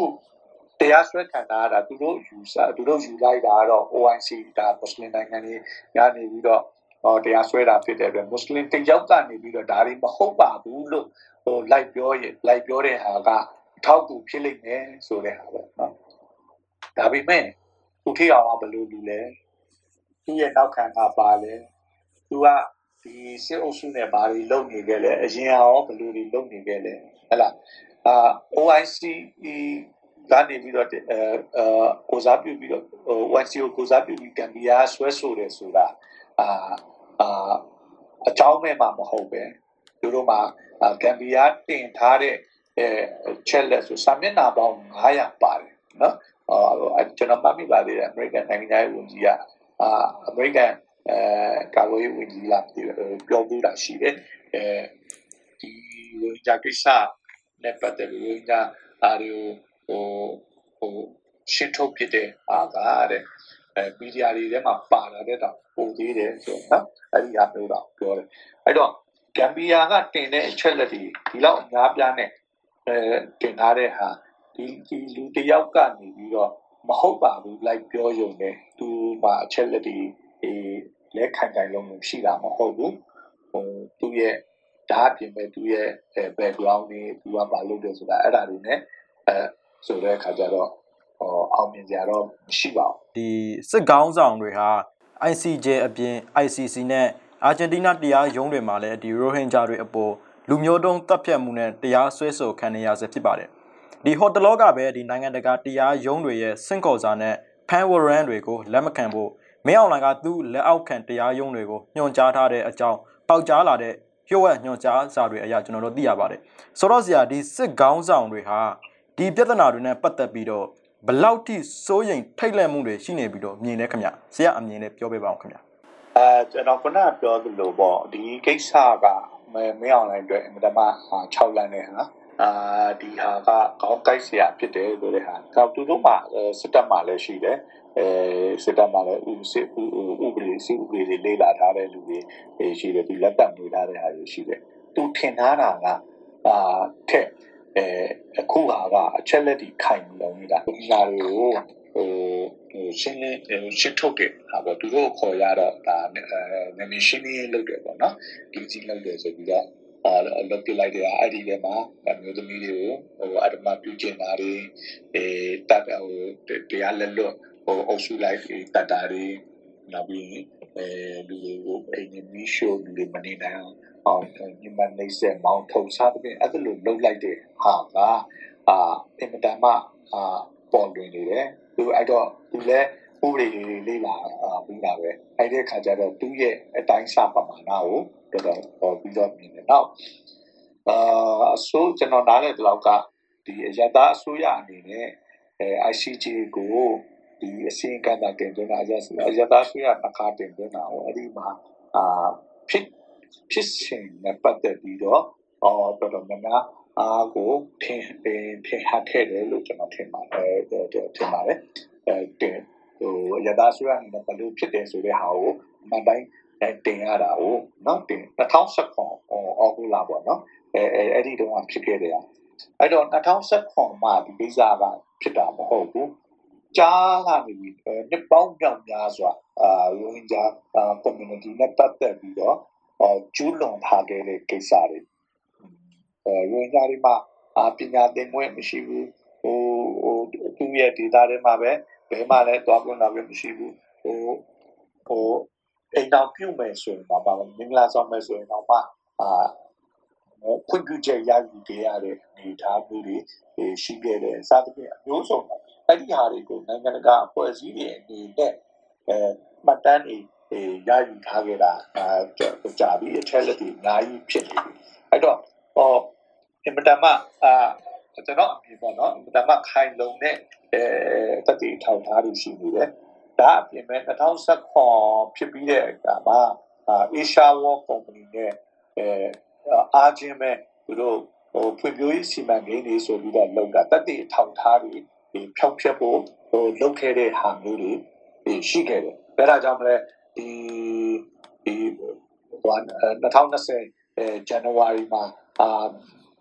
ဒီ ICT ကနေပြီးတော့မြန်မာပြည်အနေနဲ့ဂျာပြက်လုပ်ရမယ့်အရေးပေါ်စီမံချက်၄ချက်ဆိုပြီးတော့တော့ချမှတ်လိုက်တယ်အဲဒီတဲမှာအာဒီဒါတွေကိုလူမျိုးတုံးတက်ပြတ်မှုကနေအကာအကွယ်ပေးဖို့ဟိုမြန်မာတပ်မတော်အနေနဲ့လက်နက်ကင်ဖွဲ့တွေကလူမျိုးတက်ပြတ်မှုမလုပ်ဖို့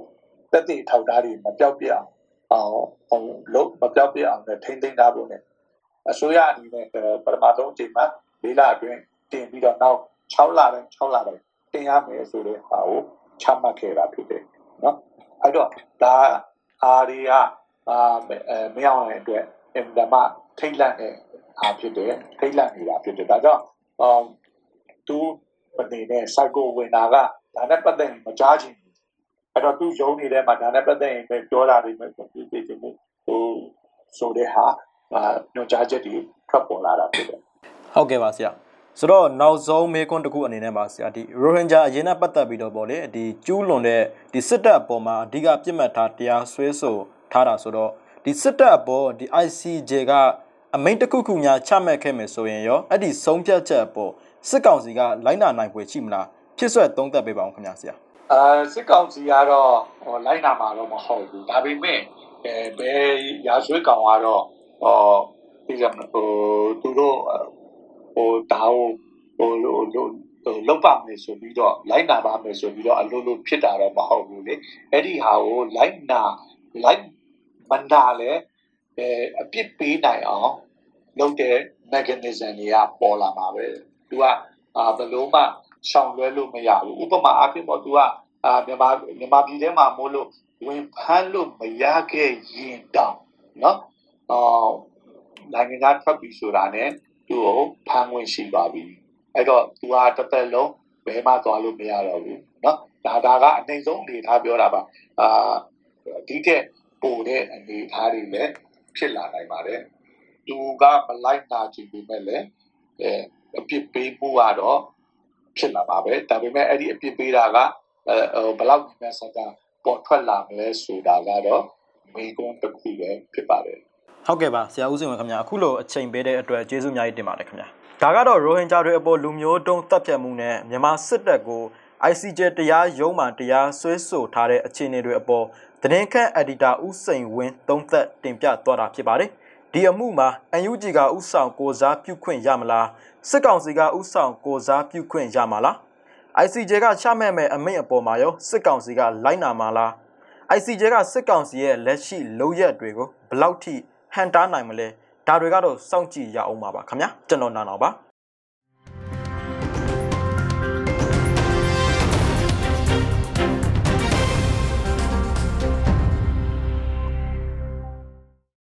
BNI အစီအစဉ်တွေကိုနားဆင်ကြရမှာပါရှင် BNI ဝိုင်းတော်သားတွေကဆက်လက်တင်ဆက်ပေးသွားမှာပါ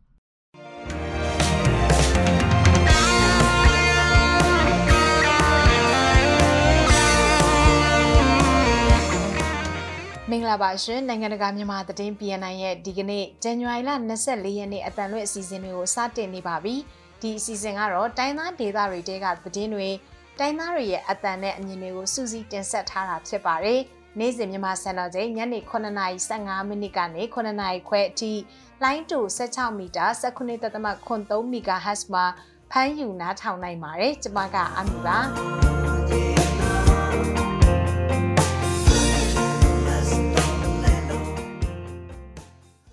ဒီနေ့မှာကြားကြမယ့်သတင်းတွေကတော့ချင်းပြည်နယ်မှာတိုက်ပွဲပြင်းထန်နေပြီးနှစ်ဖက်အကြအဆုံးတွေရှိနေပါတယ်။ကရီနီပြည်နယ်မှာလည်းတိုက်ပွဲတွေဆက်လက်ပြင်းထန်နေပြီးတော့စစ်ကောင်စီက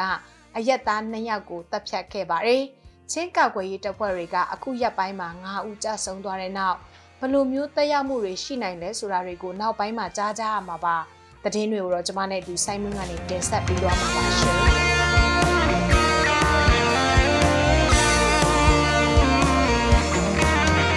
ချင်းမြနယ်တီးတိမ်မြို့နယ်ကလေးတီးတိမ်ကာလာမပေါ်ကဟိန်စင်ကျေးရွာနေတိုင်းငင်ကျေးရွာအောက်ဘက်မှာစစ်ကောင်စီတပ်နဲ့ချင်းမြနယ်ပြည်သူ့ကာကွယ်ရေးပူးပေါင်းတပ်ဖွဲ့တို့ယနေ့တိုက်ပွဲဆက်လက်ပြင်းထန်နေပါတယ်စစ်ကောင်စီတပ်ဟာဇန်နဝါရီလ23ရက်မနေ့9နိုင်လောက်ကစပြီးကလေးမြို့တက်ကတော်ဝင်းထဲကနေအဝေးပစ်လက်နက်ကြီးတွေဖြစ်တဲ့60မမ120မမ155မမတွေနဲ့ဟိန်စင်ကျေးရွာနီးတဝိုက်ကိုအ ਨੇ ဆုံးအကြိမ်20ထက်မနည်းပစ်ခတ်ခဲ့တယ်လို့ရဟရင်နှစင်းနဲ့လည်းလေကြောင်းကနေတိုက်ခိုက်မှုတွေလှုပ်ဆောင်ခဲ့ပါတယ်အင်အားတရာဝန်းကျင်လောက်ရှိတဲ့စစ်ကောင်စီတပ်တွေဟာဟိန်စိန်ကျေးရွာနီးတိုင်းငင်ကျေးရွာအောက်နားမှာ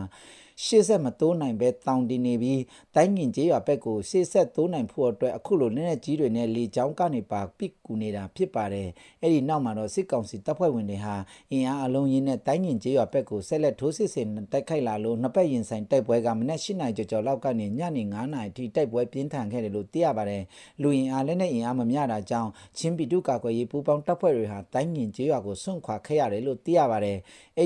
ကရီနီပြည်နယ်ဒီမော့ဆိုမြို့စံပြ6မိုင်အုပ်စုဟိုဖိတ်ကျေးရွာနဲ့တပြေတော်ကျေးရွာအနီးမှာစစ်ကောင်စီတပ်နဲ့ကရီနီပြည်လူထုကာကွယ်ရေးတပ်တို့ကြားတိုက်ပွဲပြင်းထန်ခဲ့ပါတယ်။မနေ့ကဇန်နဝါရီလ23ရက်နေ့တိုက်ပွဲအတွင်းစစ်ကောင်စီကကျေးရွာအတွင်းမှာရှိတဲ့ပြည်သူတွေကိုဖမ်းဆီးခဲ့ပြီးတော့နှစ်ယောက်ကိုတပ်ဖြတ်ခဲ့တယ်လို့ KNDF က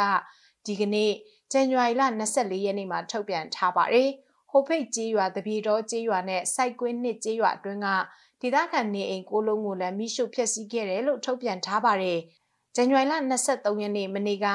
စစ်ကောင်စီနဲ့10နိုင်ကြာထိတွေ့တိုက်ပွဲဖြစ်ပွားခဲ့ပြီးစစ်ကောင်စီကထိခိုက်ကြဆုံးမှုများပြားခဲ့တယ်လို့ထုတ်ပြန်ချက်ထဲမှာဖော်ပြထားပါတယ်။ဂရီနီပြည်နယ်မှာအာနာသိမ့်ပြတဲ့နောက်ပိုင်းစစ်ကောင်စီကဖမ်းဆီးတပ်ဖြတ်ထားတဲ့ပြည်သူ198ဦးရှိသွားပြီလို့ဂရီနီလူမှုအသင်းဖွဲ့များကွန်ရက် KCSN က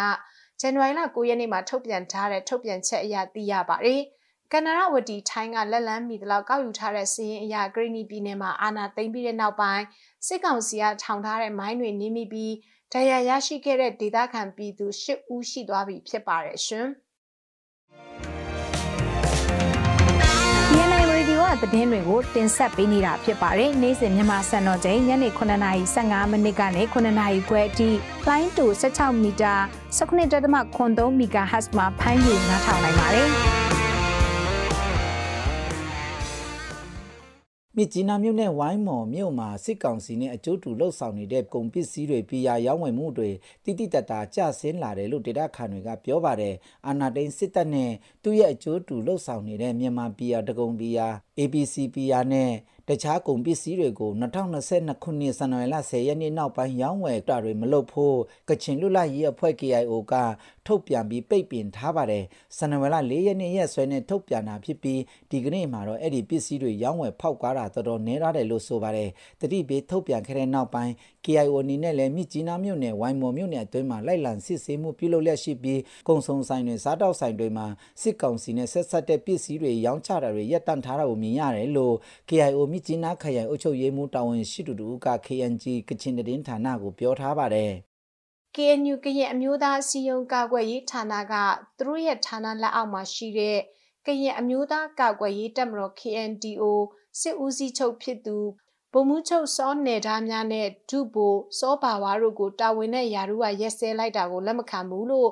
ဗိုလ်မှူးချုပ်စောနယ်သားများကကြေညာချက်တစ်စောင်ထုတ်ပြန်ထားပါတယ်။အဲ့ဒီထုတ်ပြန်ချက်ကတော့ဇန်နဝါရီလ22ရက်နေ့တုန်းကထုတ်ပြန်တာဖြစ်ပါတယ်။ မြဝတီခရိုင်ဝေါ်လီဒေသမှာလူ25ယောက်တပ်ဖြတ်ခံရတဲ့အမှုနဲ့ပတ်သက်ပြီးဗိုလ်မှူးချုပ်စောနယ်သားများနဲ့တာဝန်ရှိသူအရာရှိတယောက်ကိုယာရုနဲ့တာဝန်တွေကနေရက်ဆိုင်လိုက်တာလို့ KNU ကာကွယ်ရေးဌာနကဇန်နဝါရီလ18ရက်နေ့တုန်းကအမိန့်ထုတ်ပြန်ခဲ့ပါတယ်။ ဝေါ်လီလူတက်မှုဟာစစ်မြေပြင်မှာဖြစ်ပွားခဲ့တာကြောင့်မိမိရဲ့ရဲဘော်တွေအတွက်ရက်တီပေးရမှာဖြစ်ကြောင်းသိဆုံးသွားတဲ့သူတွေမှာဗမာစစ်တပ်ကအရေးကြီးတဲ့သူတွေပါဝင်ကြောင်း NCA ကိုဖတ်တွယ်ပြီးတော့ NCA လမ်းကြောင်းထိခိုက်မှာအိုးစိုးရိမ်နေတဲ့ခေါင်းဆောင်တချို့ရဲ့ဆုံးဖြတ်ချက်ကိုလက်မခံကြောင်းဗိုလ်မှူးချုပ်စောနယ်သားများကပြောတယ်လို့ KIC ကရင်သတင်းဌာနမှသတင်းရေးသားထားပါတယ်။ စစ်ကောင်စီရဲ့ထိုးစစ်ဆင်တိုက်ခိုက်မှုကြောင့်ကရင်ပြည်နယ်ကော့ကရိတ်မြို့နယ်ထက်ကဒေသခံ2000ကျော်ဟာနေရဆွန့်ခွာထွက်ပြေးတိမ်းရှောင်နေရတယ်လို့ KNU ဒူပလယာခရိုင်ကစနဝါရီလ23ရက်နေ့ရက်စွဲနဲ့တရင်ထုတ်ပြန်ထားပါတယ်။စနဝါရီလ9ရက်နေ့ကစတင်တဲ့တိုက်ပွဲက23ရက်နေ့တိုင်တိုင်ဆက်လက်ဖြစ်ပွားနေဆဲဖြစ်ပြီးစစ်ကောင်စီဘက်ကလေကြောင်းတိုက်ခိုက်မှုတွေပါကျွလွန်ခဲ့တယ်လို့ဆိုပါတယ်။ဒါကြောင့်ကော့ကရိတ်မြို့နယ်ထက်ကကော့နှွဲ့ကမိုင်ကုန်းရွာတစ်ကုန်းမြို့ဟောင်းအင်္ဂလောတတန်ကူကြောက်စရစ်ကုန်းကထုထရွာတိမောင်းမတာယာကုန်းကြောင်ရှာကုန်းဖန်ခါကုန်းအမ်ဖကြီးအမ်ဖလေးရွာတန်းရှေကြာအင်းကုန်းနောင်နိုင်နန်းရွှေမုံအွန်လိုင်းတဝတော်စက်ကဝက်33စုကြိုက်တလိုက်ပေါ့တိုင်းတောက်ပလံခုတုံ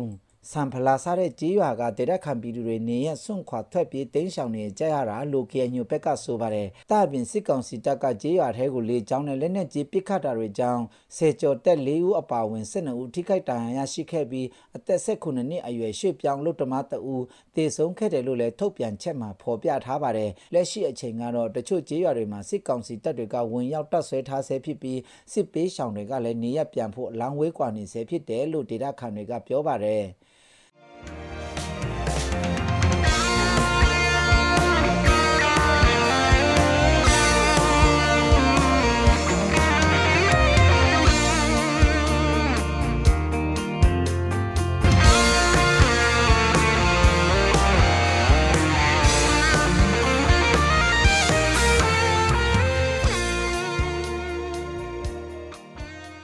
တော့သတင်းလွှာတွေကိုဆက်လက်တင်ဆက်ပေးသွားမှာပါ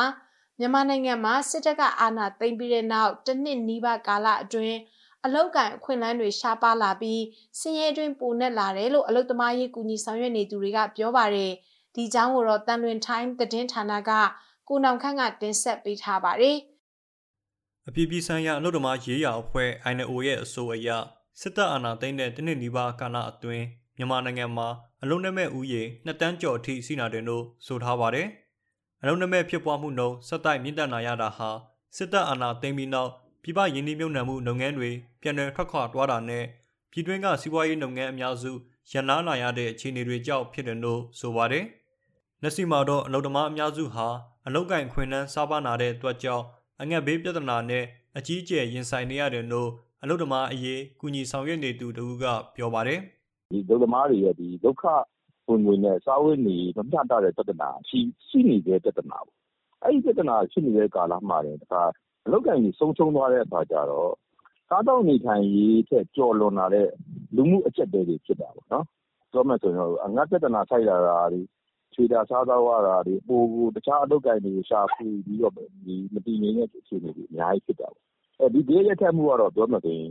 တော်တော်ကြီးတယ်ပေါ့နော် ဘာလဲဆိုတော့ဟိုတစ်ဖက်ကတော့ ဆင်းရဲမွေးတည်မှု ပိုဖြစ်လာတော့ဆင်းရဲလေးပိုနစ်လာတော့ဒီပြဿနာ ရင်ဆိုင်ရတာ အပြည်ပြည်ဆိုင်ရာ အလုပ်သမားရေးရာအဖွဲ့ INO ရဲ့အဆိုအရ အလုံးနမဲ့တံကို အမျိုးသမီးတွေဟာ အမျိုးသားတွေထက်ပုံမခံစားနေရတယ်လို့ ဆိုပါတယ်။အဲ့ဒီထဲမှာတော့ အထည်ချုပ်လုပ်ငန်းအပါအဝင်စောက်လုပ်ရေးခီးတွားလုပ်ငန်းနဲ့ ဝန်ဆောင်မှုလုပ်ငန်းက အလုပ်သမားတွေ အလုံးနမဲ့ဖြစ်ပွားမှုနှုန်း အမြင့်ဆုံးဖြစ်တယ်လို့ ဆိုပါတယ်။ အလောက်ကင်ခွင်နှန်းစားပါနာတဲ့အတွက်ကြောင့်အမျိုးသမီးတချို့ဟာခန္ဓာကိုယ်နဲ့ယဉ်ပြီးပြည်တစားလုပ်ငန်းလုပ်ကင်မှုတွေမြင့်တက်လာသလိုအမျိုးသားတွေကလည်းအလောက်ကင်မရှိတဲ့အတွက်လူရဲမှုခိုးမှုနဲ့ရာဇဝတ်မှုတွေကိုပုံမကျူးလွန်လာကြတယ်လို့ဆိုပါတယ်။ဒါအပြင်အလောက်ကင်ခွင်နှန်းစားပါနာမှုရဲ့နောက်ဆက်တွဲပြဿနာဖြစ်တဲ့မိသားစုစားဝတ်နေရေးအခက်အခဲတွေနဲ့အတူခနေတငယ်တွေမှာအာဟာရချို့တဲ့မှုတွေကိုရင်ဆိုင်နေရပါတယ်။မွန်ပြည်နယ်မှာတော့အဲ့ဒီလုပ်ငန်းတွေက အလုပ်သမား60ရာခိုင်နှုန်းထက်မနည်းအလုပ်နမဲ့ဖြစ်ခဲ့ကြပါတယ်။အလုပ်ကိုင်ခွင့်နှန်းဆုံးရှုံးတာမှုဟာလူငယ်တွေပေါ်မှာလည်းတက်ရောက်မှုကြီးမားနေပါတယ်။လက်ရှိမှာတော့လူငယ်တွေဟာအလုပ်ကိုင်ခွင့်နှန်းဆုံးရှုံးတာလို့ရုပ်ပိုင်းဆိုင်ရာစိတ်ပိုင်းဆိုင်ရာပျက်စီးယုံရင်းမှုတွေပိုဖြစ်လာတယ်လို့လူငယ်အရေးဆောင်ရွက်နေသူတဦးကခုလိုပြောပါတယ်။အော်နာသိပြီးတော့ပို့ပြီးတော့ဒီလူငယ်တွေအလုပ်ကိုင်ခွင့်နှန်းရှားပါမှုတွေ နောက်တော့အခက်အခဲတွေကပို့ပြီးတော့များလာတယ်လေ။များလာတဲ့များလာတဲ့အခါကျတော့အခုဒီသားဆိုတော့ဒီအစစ်တပ်ကအာဏာသိမ်းတာသိချတယ်ကျွန်တော်တို့တော့တစ်နှစ်တော့ပြည်တော့ဝင်ပေါ့လေဒီတစ်နှစ်ပြည်တဲ့အခါအချိန်ခါရောက်လာတဲ့အခါကျတော့လူငယ်တွေကတော်တော်လေးပြည့်ပြည့်မှုတွေများလာတယ်အလုပ်တွေမရှိတော့ဘူးဒါကြောင့်ဘယ်ဖွဲ့စည်းမှမှအရှင်းတန်းတာရက်တီတာတွေကအခက်အခဲလာတယ်မရှိတော့ဘူးအပြည်ပြည်ဆိုင်ရာအလုပ်သမားရေးရာအဖွဲ့ INO ရဲ့အဆိုအရမြန်မာနိုင်ငံဟာလာမယ့်6လအတွင်း အလုံးနမဲ့ဖြစ်ပွားမှုနှုန်းဆက်လက်မြင့်တက်လာနိုင်တယ်လို့ဆိုထားပါတယ်။ချင်းပြည်နယ်မှာစစ်ကောင်စီတပ်နဲ့ချင်းပြည်သူ့ကာကွယ်ရေးတပ်ဖွဲ့တို့တိုက်ပွဲတွေဆက်လက်ပြင်းထန်နေပြီးနှစ်ရက်အတွင်းမှာပြည်သူ့ကာကွယ်ရေးပူးပေါင်းတပ်ဖွဲ့ဘက်ကတည်မှုအပါအဝင်ရဲဘော်9ဦးကြာဆုံးခဲ့ရတယ်လို့လက်နက်အင်အားလူအင်အားမမျှတတာကြောင့်ကလေးတီးတိမ်ကားလမ်းပေါ်ကတိုင်းငင်ကြီးရွာကိုပြည်သူ့ကာကွယ်ရေးတပ်ဖွဲ့တွေဘက်ကဆွတ်လွတ်ခဲ့ရတယ်လို့သိရပါတယ်။ အကြောင်းစုံကိုတော့ကိုရော့ဘက်ကစူးစီးထားပါတယ်။ ချင်းပြည်နယ်မတူပီကံပလက်နဲ့ဖလန်မြို့နယ်တွေမှာစစ်ကောင်စီနဲ့ချင်းပြည်သူ့ကာကွယ်ပူးပေါင်းတပ်ဖွဲ့တွေတိုက်ပွဲဆက်လက်ဖြစ်ပွားခဲ့ကြရမှာမနေ့ကတော့ချင်းပြည်သူ့ကာကွယ်တပ်ဘက်ကတိုက်ရင်မှုတအူအပါဝင်ရဲဘော်၃ဦးကြာဆုံးခဲ့ပါတယ်မတူပီမြို့နယ်ရီဇော်မြို့အနီးမှာယမန်နေ့ကစစ်ကောင်စီတပ်နဲ့ချင်းပြည်သူ့ကာကွယ်ပူးပေါင်းတပ်ဖွဲ့တို့တိုက်ပွဲဖြစ်ပွားခဲ့ကြပြီး CDF မတူပီတိုက်ရင်နှစ်ကစလိုင်းစန်တာကြာဆုံးခဲ့ပြီးခုချိန်ထိအလောင်းပြန်မရသေးဘူးလို့ CDF မတူပီပြန်ကြားတာဝန်ခံတဦးကယခုလိုပြောဆိုပါတယ်ကျွန်တော်တို့ကရဲဘော်တယောက်ကြားသွားတယ်ပေါ့နော်။မနေ့ကဖြစ်တဲ့တိုက်ပွဲမှာ၃နာရီလောက်စဖြစ်တယ်။၄နာရီလောက်မှာကျသွားတာပါ။အလောင်းမရသေးဘူးပေါ့နော်။သတင်းပြောမယ်ဆိုရင်ဒီစစ်တပ်အခြေအနေကနေရာပေါ့သူရှိတဲ့အလောင်းနေရာကဒီကျွန်တော်တို့ CDF ကြောင်းတပ်ဖွဲ့တွေရှိတဲ့နေရာကြားကြားနဲ့ဒီအလောင်းကြားမှာဒီကောင်စီနေရာယူထားတဲ့အတွက်အလောင်းကိုသူတို့သွားမယူနိုင်သေးဘူးပေါ့။စလိုင်းစန်တာဟာ CDF မတူပီတရင်နှစ်မှာတရင်မှုအဆင့်အထိတာဝန်ထမ်းဆောင်ခဲ့ဘူးသူဖြစ်တယ်လို့ရီဇော်မြို့အနီးတိုက်ပွဲမှာစစ်ကြောင်းမှုအဖြစ်တာဝန်ယူထားသူဖြစ်တယ်လို့လည်းသိရပါတယ်စစ်ဗျူဟာအခြေစိုက်တဲ့နေရာဖြစ်တဲ့မတူပီမြို့မှာမကြာသေးခင်ရက်ပိုင်းကစစ်ကားအစီး90လောက်ထပ်မံရောက်ရှိလာပြီးချင်းပြည်သူ့ကကွေးတပ်ဖွဲ့တွေကိုထိုးစစ်ဆင်တိုက်ခိုက်မှုတွေပုံမလှုပ်ဆောင်လာနိုင်တယ်လို့လည်းသိရပါတယ်ချင်းပြည်နယ်တောင်ပိုင်းကံပလက်မြို့နယ်နဲ့မကွေးတိုင်းနယ်စပ်ဖက်မှာလည်းမနေ့ကစစ်ကောင်စီနဲ့ CDF ကံပလက်တို့တနအီကြော်ကြာလောက်ပစ်ခတ်မှုဖြစ်ပွားခဲ့ပြီး CDF ကံပလက်ကရဲဘော်စလိုက်စီတို့အောင်ကြာဆုံးခဲ့တယ်လို့ CDF ကံပလက်တမမှုကပြောပါတယ် စီတို့ပြဖက်ကနေသူတို့ထိုးစစ်ဆင်လာတာအဲ့ဒါကံကံပလက်မြို့နယ်နဲ့စီတို့ပြရဲ့နေဆက်ပေါ်နော်နေဆက်မှာကျွန်တော်တို့ဒေတာကာကွယ်တပ်ဖွဲ့တွေနဲ့ဒီမှာအဲ့မှာတိုက်ပွဲဖြစ်တယ်အဲ့အဲ့မှာကျွန်တော်တို့လူတယောက်ကြာသွားတယ် သူတို့ဖက်က အကြအရှုံးအကြီးခိုက်တာတော့ ကျွန်တော်တို့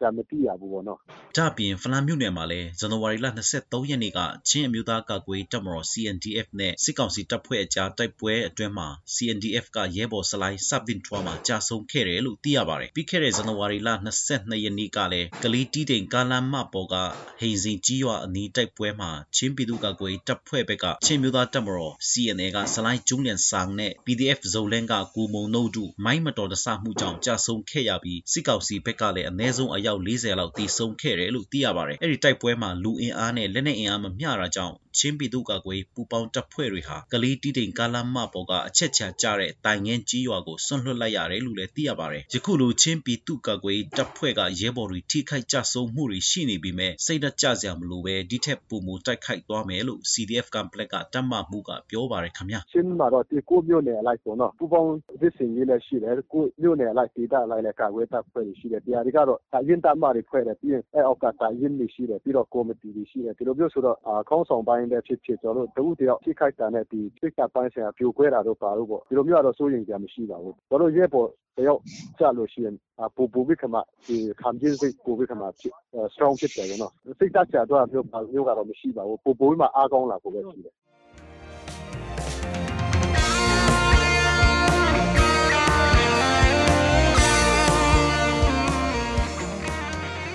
အခုနားဆင်ခဲ့ကြရတာကတော့ BNI Radio ကနေ့စဉ်သတင်းအစီအစဉ်ပဲဖြစ်ပါတယ်။ ဒီအစီအစဉ်ကိုနေ့စဉ်မြန်မာစံတော်ချိန်ညနေ9:15မိနစ်ကနေ9:00ခွဲအထိ15မိနစ်ကြာထုတ်လွှင့်နေတာဖြစ်ပါတယ်။နားဆင်ပေးတဲ့အတွက်ကျေးဇူးတင်ပါတယ်ရှင်ကျွန်မကအမီပါ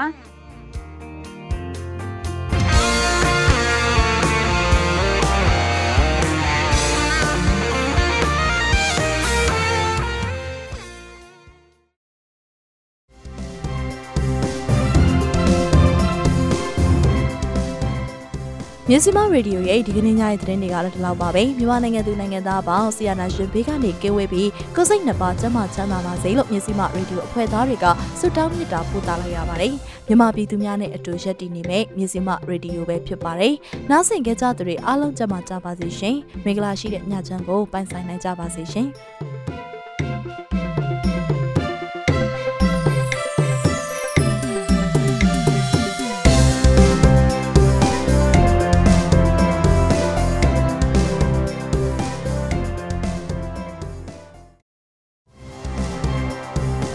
မတို့ရဲ့မြစီမရေဒီယိုကိုနေ့စဉ်ည6နာရီခွဲမှည9နာရီခွဲထိလိုင်းဒိုမီတာ16မီတာစက္ကွန်တသမခွန်3 MHz ကနေပြီးတော့ဖမ်းယူနားဆင်နိုင်ပါပြီ။မြစီမရေဒီယိုကိုနားမစင်လိုက်ရတဲ့သူတွေအနေနဲ့မြစီမ News and Farming Page 108 Page မြစီမ YouTube Channel မြစီမ Website Podcast Application Podcast Anchor Podcast တွေမှာလည်းပြန်လည်နားဆင်လို့ရပါတယ်နော်။